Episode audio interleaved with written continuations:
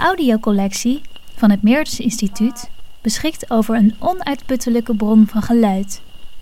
Vanaf de eerste opnameapparaten wordt er al veldonderzoek gedaan, gebruikmakend van dit mooie medium. Er worden verhalen verteld. Ja, die hadden er veel meer van de watersnood kampen gehad, dus er zijn vanzelf veel meer huizen gekomen. Ja, maar dat is dan tweede lijn, dat weten we wel. Geluidapparatuur getest. De microfoon die u thans hoort is de rondom de alzijde gevoelige microfoon. Speeches gegeven. Nu zou ik natuurlijk ontzaglijk veel willen zeggen. Er is opgenomen op onder andere band, papieren plaat en cilinderwasrollen.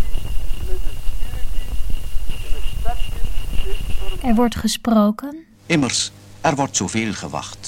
Gezongen, Mijn vriend waar ik mee liep te dwalen, was vroeger markies of baron. geëxperimenteerd. Letters klinken.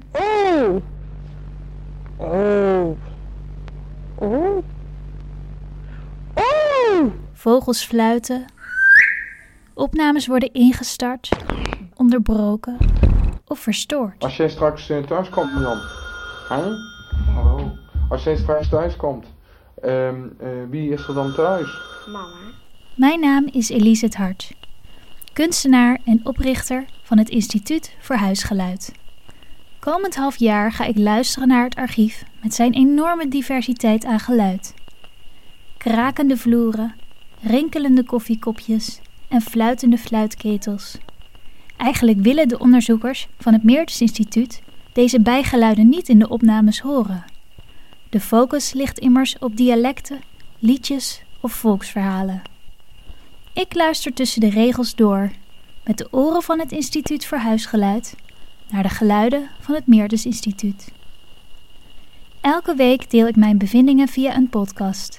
Dit kan zijn een verhaal, een geluid, een stem of een opmerkelijke opname. Volg de podcast en laat je oren elke week verrassen met iets nieuws uit het archief van het Meertens Instituut.